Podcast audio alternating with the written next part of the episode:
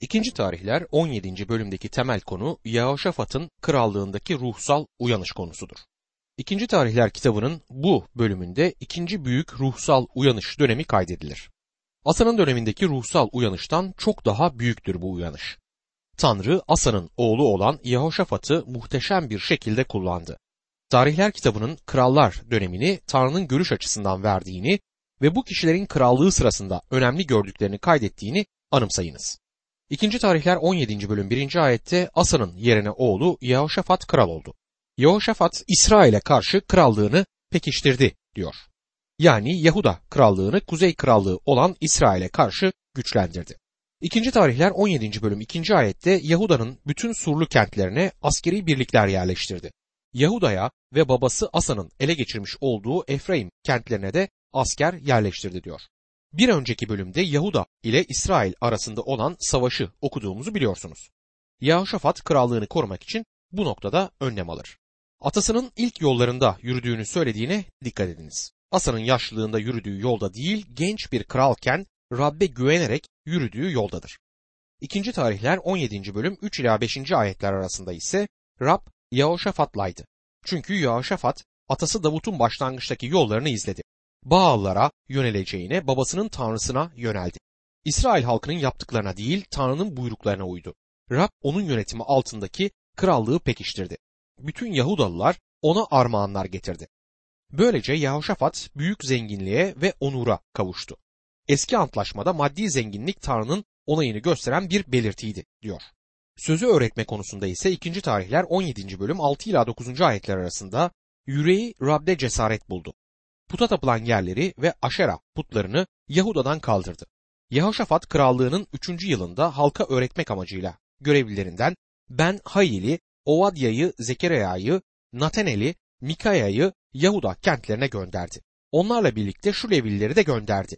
Şemaya, Netanya, Zevatya, Asahel, Şemiramot, Yahonatan, Adoniya, Toviya, Tov, Adoniya. Kahinlerden Elişama ile Yahoram'ı gönderdi. Rabbin yasa kitabını yanlarına alıp Yahuda'da halka öğrettiler. Bütün Yahuda kentlerini dolaşarak halka ders verdiler. Yehoşafat'ın ne yaptığını anlıyor musunuz? Bir kutsal kitap çalışması başlatmıştır. Evet o kutsal kitap çalışması programını başlatan bir kraldır. Levilleri gönderdi teknik iletişim araçları olmadığı için bizzat kendilerinin gitmesi gerekmekteydi. Yehoşafat yüzlerce ya da binlercesini gönderdi. Ve bu insanlar tüm krallığa yayılıp Tanrı sözünü öğrettiler. Dostum ruhsal uyanışın yolu budur.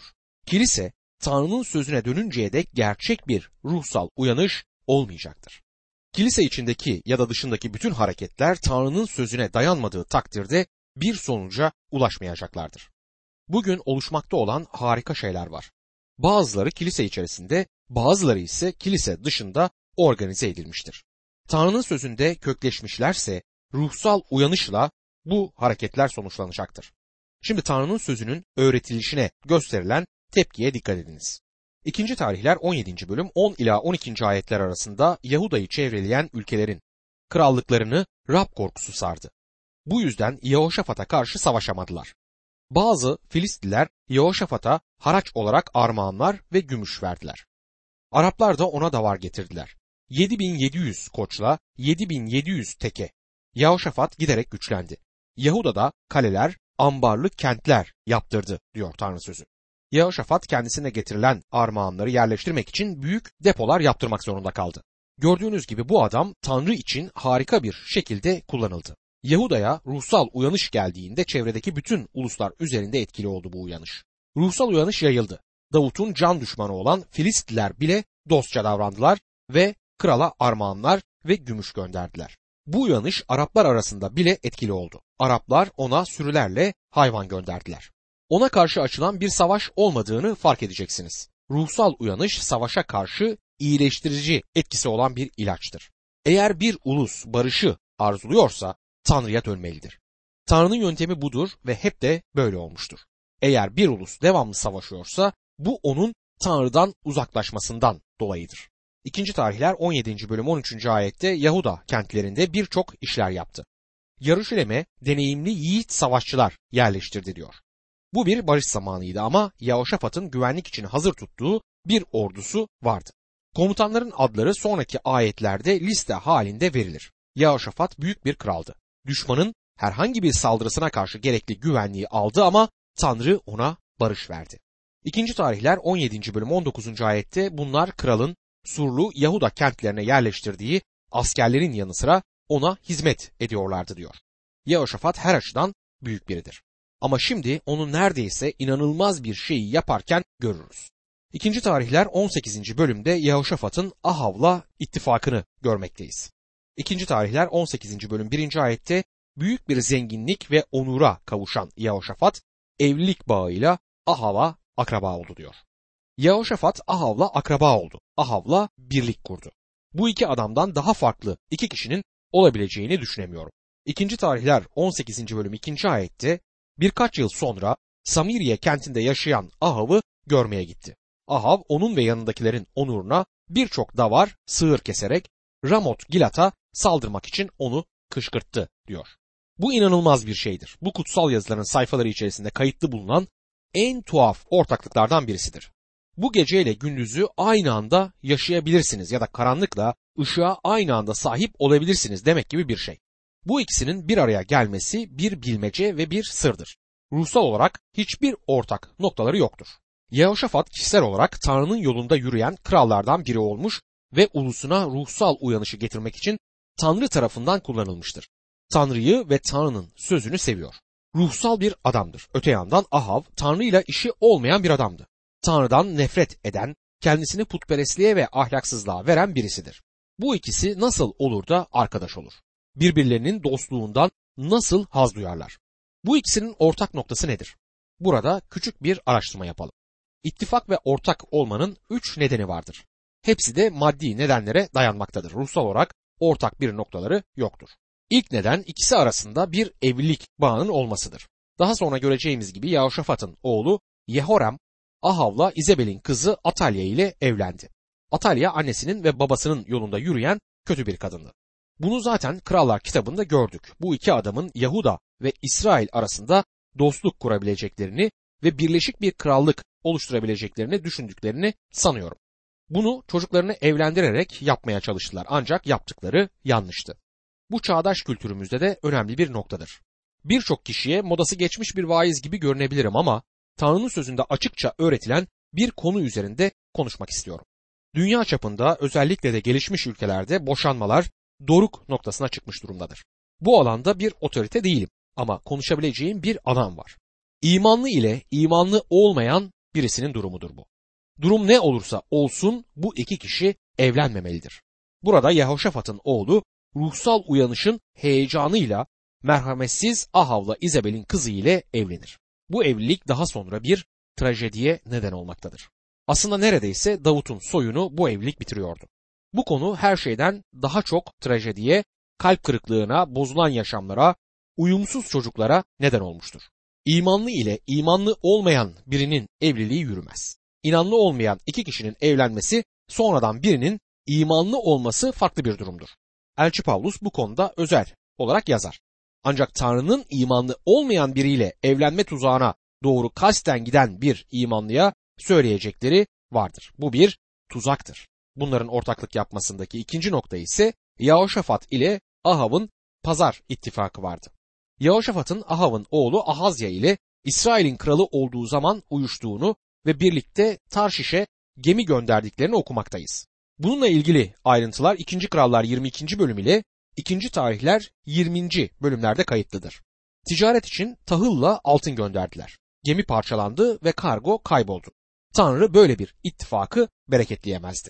Üçüncü nokta ise Yahoşafat ile Ahav'ın askeri bir ittifaklarının olmasıdır. Ahav'ın Suriye ile sorunları vardı. Yahoşafat'la ittifak yapıp birlikte Ramot Gilat'a gitmelerini önerir. Yahoşafat onuruna bir sürü koyun ve sığırı kestiği büyük bir ziyafet verdiğini okuyoruz. Ve böylece Yehoşafat'ı ikna etti. Yehoşafat şimdi 1. mezmur 1. ayette söylendiği gibi alaycıların arasındadır. Kuzey Krallığı'nın ordusunun güneydeki Yahuda Krallığı'na karşı başaramadığını Ahav, Yehoşafat'ı Suriye ile savaşa sokarak başardı. Bu Hitler ile Mussolini'nin Münih'teki buluşmasını anımsatır. Roosevelt ile Churchill'in Yalta buluşmasını da hatırlatmaktadır. Londra'daki Marshall'ı anımsayın. Eminim bugün yapılmaması gereken ve Tanrı'nın bereketlemeyeceği ittifakları yapıyorlardı.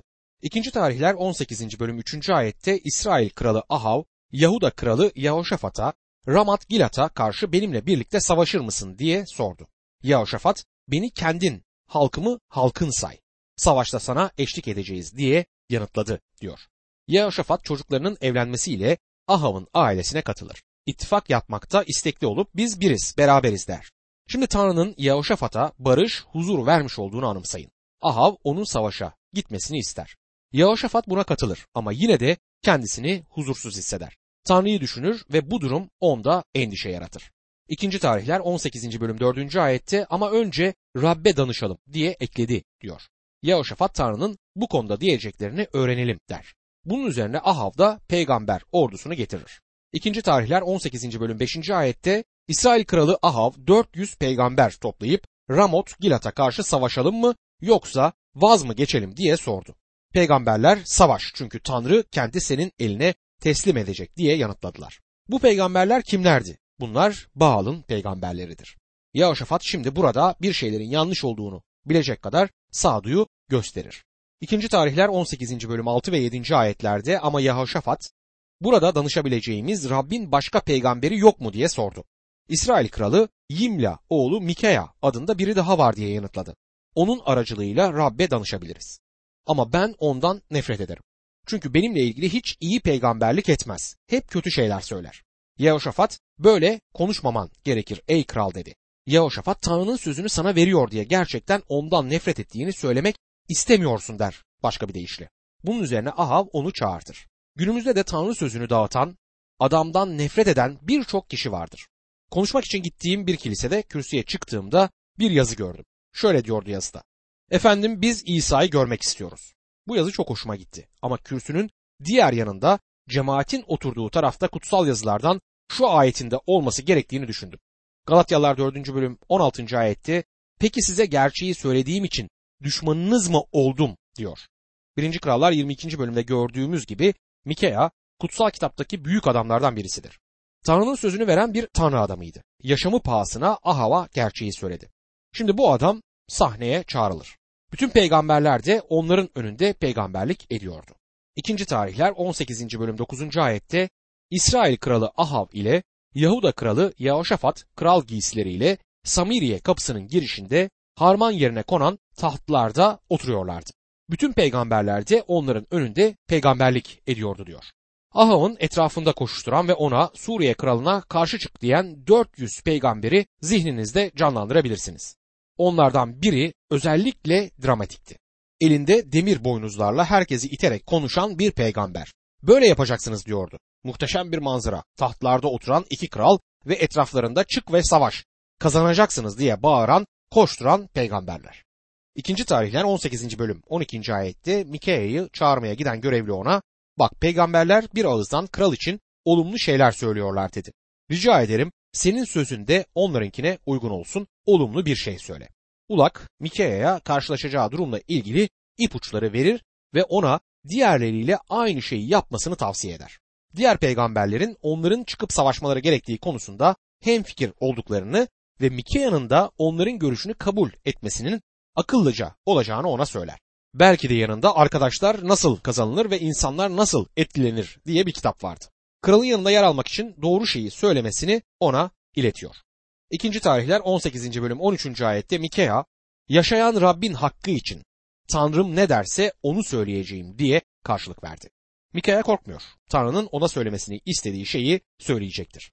Bundan emin olabilirsiniz.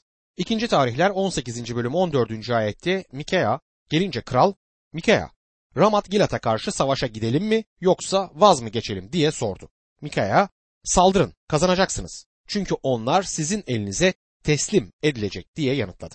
Mikaya oldukça esprilidir. Bu da hoşuma gidiyor. Sık sık ve saygıyla söylediğim bir şey var. Tanrı'nın espri anlayışı var ve kutsal kitapta da çok fazla espri var. Bu onlardan birisidir. Manzarayı anımsayın. İki kral tahtlarında oturuyor. 400 kişi de onların etrafında koşturup çık çık diye bağırıyor. Mikaya iğneleyici bir ifadeyle manzaraya katılır ve o da çık der. İkinci tarihler 18. bölüm 15. ayette ise bunun üzerine kral Rabbin adına bana gerçeğin dışında bir şey söylemeyeceğine ilişkin sana kaç kez ant içireyim diye sordu. Ahav ona şakayı bırak beni kandıramazsın onlarla aynı fikirde olmadığını biliyorum der. Gördüğünüz gibi Ahav Tanrı'nın sözünü istemektedir. Ama gerçekten ama gerçekten istedi mi? Gerçekle sahtelik arasındaki farkı biliyordu ama gerçeğe boyun eğmekte istemiyordu. Böyle olan onun gibi birçok insan var. Mikael şimdi ciddileşir. Tanrı'nın mesajı şudur. Savaşı kaybetmekle kalmayacaklar, Ahav öldürülecektir. İkinci tarihler 18. bölüm 16 ve 17. ayetlerde Mikaya şöyle karşılık verdi. İsrailleri dağlara dağılmış çobansız koyunlar gibi gördüm. Rab bunların sahibi yok. Herkes güvenlik içinde evine dönsün dedi. İsrail kralı Ahav, Yehoşafat'a benimle ilgili iyi peygamberlik etmez. Hep kötü şeyler söyler dememiş miydim dedi. İsrail kralı Yehoşafat'a hakkımda iyilik değil kötülük haberleri verecektir diye sana söyledim diyor. Şimdi Mikaya Ahav'a istediğini verir. Şimdi ciddi ve iğneleyicidir. Ahav'a iğneleyici bir ironi ile şu benzetmeyi anlatır. İkinci tarihler 18. bölüm 18 ve 19. ayetlerde. Mikaya konuşmasını sürdürdü. Öyleyse Rabbin sözünü dinleyin. Gördüm ki Rab tahtında oturuyor. Bütün göksel varlıklar da sağında solunda duruyordu. Rab sordu. Ramot Gilat'a saldırıp ölsün diye İsrail kralı Ahav'ı kim kandıracak? Kimi şöyle, kimi böyle derken. Bu gülünç bir şeydir. Tanrı'nın ne yapması gerektiğine karar vermek için yönetim kurulunu çağırdığını düşünebilir misiniz? Rab tavsiye istemez dostum. Bu çok keskin bir noktadır. Her türlü öneri var. Şimdi küçük bir ruh gelir ve iyi bir fikri olduğunu söyler. İkinci tarihler 18. bölüm 20 ve 21. ayetlerde bir ruh çıkıp Rabbin önünde durdu ve ben onu kandıracağım dedi. Rab nasıl diye sordu. Ruh aldatıcı ruh olarak gidip Ahav'ın bütün peygamberlerine yalan söyleteceğim diye karşılık verdi. Rab onu kandırmayı başaracaksın dedi.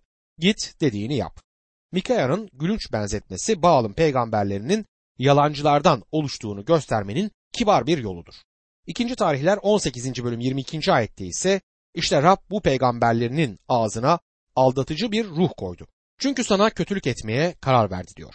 Başka bir deyişle bu peygamberler size gerçeği söylememekteler. Tanrı sizi yargılayacaktır diyor. Ahav bu noktada Mikaya'nın sözlerine dikkat etmeyecektir. Onu hapsetmeleri ve orada tutmaları için emirler verir. İkinci tarihler 18. bölüm 25 ve 26. ayetlerde bunun üzerine İsrail kralı Mikaeya'yı kentin yöneticisi Amon'a ve kralın oğlu Yoaş'a götürün dedi. Ben güvenlik içinde dönünceye dek bu adamı cezaevinde tutmalarını, ona su ve ekmekten başka bir şey vermemelerini söyleyin. Yaşlı Mikaya son sözünü söyler. Şimdi onu dinleyelim. İkinci tarihler 18. bölüm 27. ayette. Mikaya, eğer sen güvenlik içine dönersen Rab benim aracılığımla konuşmamış demektir dedi. Ve herkes bunu duysun diye ekledi. Bunu seviyorum. Mikaya götürülmeden önce bak geri gelirsen Rab benim aracılığımla konuşmamış olur. Ama sen geri gelmeyeceksin diyor. Sonra halka döner ve o burada olmayacak ama siz burada olacaksınız. Dediklerimi anımsayın der. Bu gerçekten harika bir şeydir. İkinci tarihler 18. bölüm 28 ve 29. ayetlerde ise İsrail kralı Ahav'la Yahuda kralı Yehoşafat Ramat Gilat'a saldırmak için yola çıktılar. İsrail kralı Yehoşafat'a ben kılık değiştirip savaşa öyle gireceğim ama sen kral giysilerini giy dedi. Böylece İsrail kralı kılığını değiştirdi sonra savaşa girdiler. Ahav bir dolandırıcı olduğunu kanıtlıyor. Gördüğünüz gibi savaşta kraliyet giysisi giyen tek kişi Yehoşafat'tı. Bu da dikkatleri onun üzerine çekti. Akıllı Ahav kılığını değiştirdi. Ahav'ın Yehoşafat'ın savaşta ölmesi için bir tuzak kurduğunu söyleyebilirsiniz. Bu Yehoşafat'ın savaşı değildi ama neredeyse öldürülecekti. İkinci tarihler 18. bölüm 30 ve 31. ayetlerde Aram kralı savaş arabalarının komutanlarına İsrail kralı dışında büyük küçük hiç kimseye saldırmayın diye buyruk vermişti. Savaş arabalarının komutanları Yehoşafat'ı görünce İsrail kralı sanıp saldırmak için ona döndüler. Yehoşafat yakarmaya başladı. Rab Tanrı ona yardım edip saldıranların yönünü değiştirdi diyor. Canlı kalmasının tek nedeni Tanrı'nın araya girip onu kurtarmasıdır. Yaşlı Ahav halinden memnundur. Kurnazlığı sayesinde savaştan kurtulmayı umar. Ama ne olduğuna dikkat edin. İkinci tarihler 18. bölüm 33. ayette o sırada bir asker rastgele attığı bir okla İsrail kralını zırhının parçalarının birleştiği yerden vurdu. Kral arabacısına dönüp beni savaş alanından çıkar, yaralandım dedi. Suriye tarafında tek bir yayı kalan bir asker vardı. Nişan almadan yayı çekti. Belirli bir hedefi yoktu. Ama o yayın üzerinde Ahav'ın adı vardı ve ok Ahav'a saplandı. Ne oldu? Mikea'nın dediği gibi Ahav öldü. Yehoşafat evine üzgün ve akıllanmış olarak geri döner. İkinci tarihler 19. bölümde Yehoşafat ittifakından dolayı azarlanır. Yehoşafat eve dönerken karşısına Tanrı'dan mesaj getiren bir peygamber çıkar. İkinci tarihler 19. bölüm 1 ve 2. ayetlerde Yahuda kralı Yehoşafat ise Yaruşilim'deki sarayına güvenlik içinde döndü diye yazar. Hanani oğlu bilici Yehu, kral Yehoşafat'ı karşılamaya giderek ona şöyle dedi. Kötülere yardım edip Rab'den nefret edenleri mi sevmen gerekir? Bunun için Rabbin öfkesi senin üstünde olacak diyor. Kötüye yardım etmen mi gerek sorusu iyi bir sorudur. Bugünkü kuşağın üzerinde düşünmesi gereken bir konudur bu. Dostum Tanrı sizden kendisinin düşmanı olan birini sevmenizi asla istemez. Günahkarları sevmek ayrı bir şeydir, onun günahını sevmek ise apayrı bir konudur. İkisi arasındaki ayrımı yapmak zorundayız. Günahkarın günahından nefret etmeliyiz. Eğer günahkar değişmez ve günahına devam etmekte ısrarlı davranırsa o zaman günahıyla bir olur. Başka bir alternatifi yoktur. Esasında Tanrı'nın düşmanları olan insanlar var. Onlar Tanrı'nın sözünün düşmanları ve imanların da can düşmanlarıdır. Geçmişten size bir örnek vereyim. Stalin kutsal kitap öğretişinin verildiği bir okulda yetişti. Tanrı'yı tanımak ve Tanrı'yı bilmek için bir fırsatı vardı. Buna rağmen Tanrı'ya düşman kesildi. Onun döneminde yaşasaydık onun için dua eder miydik? Rab onun bu inadını kır, onu yola getir. Sana, sözüne, sana bağlı olanlara düşmanlığını kır diye dua edebilirdik sanıyorum. Ama bunun tersini söylersek bence ikiyüzlülük etmiş oluruz. Bu tür yüzeyselliğin ve ikiyüzlülüğün Tanrı'yı onurlandırdığını hiç de sanmıyorum. Beni çok sevdiklerini söyleyen insanlarla beraber oldum. Bu ifadelerde aşırıya kaçanlar oldu ve daha sonra onların benim arkadaşım bile olmadığını gördüm. Tanrı oradan oraya koşup herkese sevdiğimizi söylememizi istemiyor. Aslında sevdiğimiz birkaç kişi var. Bunun tersini yapmak ikiyüzlülüktür ve Tanrı ikiyüzlü bir durumu onurlandıramaz. Tanrı'nın halkını sevmeliyiz. Bu onun buyruğudur. Ve günahkarı da onu Mesih'e getirme çabası bakımından sevmeliyiz. Ancak bu günahla uzlaşmamız anlamına gelmez. Her tür günah eyleminden nefret etmeliyiz. Burada kaçırmamamız gereken önemli bir ders var. Tanrı Yehu'yu Yehoşafat'a o daha Ahav ve İzabel ile ittifak kurmadan önce göndermedi. Ona ayrılık üzerinde küçük bir mesaj vermesi için Yehu'yu göndermedi. Yehoşafat Tanrı adamıydı, hatalar yaptı. Tanrı onun Ahav'la bu denemeden geçmesine izin verdi çünkü ona bundan bir ders öğretecekti. Bugün kendilerini Tanrı'nın ruhsal polisi sayan pek çok kişi var. Herkese nasıl davranmaları gerektiğini, kimlerle arkadaşlık edip kimlerle etmemeleri gerektiğini söylemekten haz alırlar bu kişiler. Tanrı başkalarını tartışabilir konularda yargılamamızın doğru olmadığını net bir şekilde söylemektedir. İnsanların bize yargılanmak için gelmediklerini anımsamamız gerekir. Romalılar 14. bölüm 4. ayette sen kimsin ki başkasının kulunu yargılıyorsun? Kulu haklı çıkaranda, haksız çıkaranda efendisidir. Kul haklı çıkacaktır. Çünkü Rabbin onu haklı çıkarmaya gücü vardır diye yazar. Başkalarını gerektiği kadar ayrılmadıklarını düşünerek yargılama hatasına düşmekteyiz. Gördüğünüz gibi Tanrı onu haklı çıkarabilir. İsa Mesih'e iman ediyorsa Tanrı onu haklı çıkartacaktır. Bunu şöyle ifade etmek istiyorum. Bir gün Rab İsa Mesih'e yaşamımın hesabını vermem gerekecek. O benim efendimdir. Benim efendim İsa Mesih'tir, siz değilsiniz. Aynı şekilde ben de sizin efendiniz değilim. Rab İsa Mesih sizin efendinizdir. Hesabınızı ona vereceksiniz. Bir gün Rab İsa Mesih'e hesap vereceğim gerçeği beni oldukça oyalıyor. Sizi yargılayacak zamanım yok ve umarım sizin de beni yargılayacak zamanınız yoktur. Bu bizim işimiz değil, onun işidir. Yanlış bir şey yaparsam Tanrı beni azarlayacaktır. Yehoşafat'a yaptığı da budur. Bu deneyimle ona öğretti ve Yehoşafat da dersini aldı. İkinci tarihler 19. bölüm 3. ayette ancak bazı iyi yönlerinde var. Ülkeden aşera putlarını kaldırıp attın ve yürekten Tanrı'ya yönelmeye karar verdin diyor. Yehoşafat dikkat çekici ve önemli biriydi. Ama oğlunun Ahav ailesine evlilik bağıyla girmesi Tanrı'nın onun ulusuna yargısını getirdi. İkinci tarihler 19. bölüm 4. ayette Yehoşafat Yaruşilim'de yaşadı. Beerşeva'dan Efraim dağlık bölgesine kadar yine halkın arasına dolaşarak onları atalarının tanrısı Rab'be döndürdü diyor. Şimdi Yehoşafat'ı meşgul eden reformlardan bazılarını bu noktada göreceğiz. O gerçekten bu noktada harika bir adamdı. İkinci tarihler 19. bölüm 5 ila 7. ayetler arasında ülkeye Yahuda'nın bütün surlu kentlerine yargıçlar atadı. Onlara yaptıklarınıza dikkat edin dedi. Çünkü insan adına değil yargı verirken sizinle olan Rab adına yargılayacaksınız. Onun için Rab'den korkun, dikkatle yargılayın. Çünkü Tanrımız Rab kimsenin haksızlık yapmasına, kimseyi kayırmasına, rüşvet almasına göz yummaz. Bana göre günümüzdeki yasal sistemin zorluğu burada yatmaktadır. Tanrısız biri yargı koltuğuna oturduğu zaman Tanrı'ya karşı sorumluluk hissetmez. Kim olursa olsun bu kişi artık tehlikeli bir yargıç olmuştur. Çünkü bütün bu kötü alışkanlıkların etkisi altındadır. Yanlış bir karar vermeye eğilimli olur. Belirli kişilere saygı göstermeye eğilimli olduğu için bu onu rüşvet almaya kadar götürebilir. İkinci tarihler 19. bölüm 8 ve 9. ayetlerde Rabbin yargılarını uygulamak, davalara bakmak için Yehoşafat, Yaruşilim'e bazı Levilleri, kahinleri, İsrail başlarını atadı. Bunlar Yaruşilim'de yaşadılar ya da Yaruşilim'e döndüler. Yehoşafat onlara şu buyrukları verdi. Görevinizi Rab korkusuyla, bağlılıkla, bütün yüreğinizle yapmalısınız. Yehoşafat'ın krallığındaki her şeyi Tanrı'ya dayalı bir biçimde nasıl ayarladığını görmekteyiz.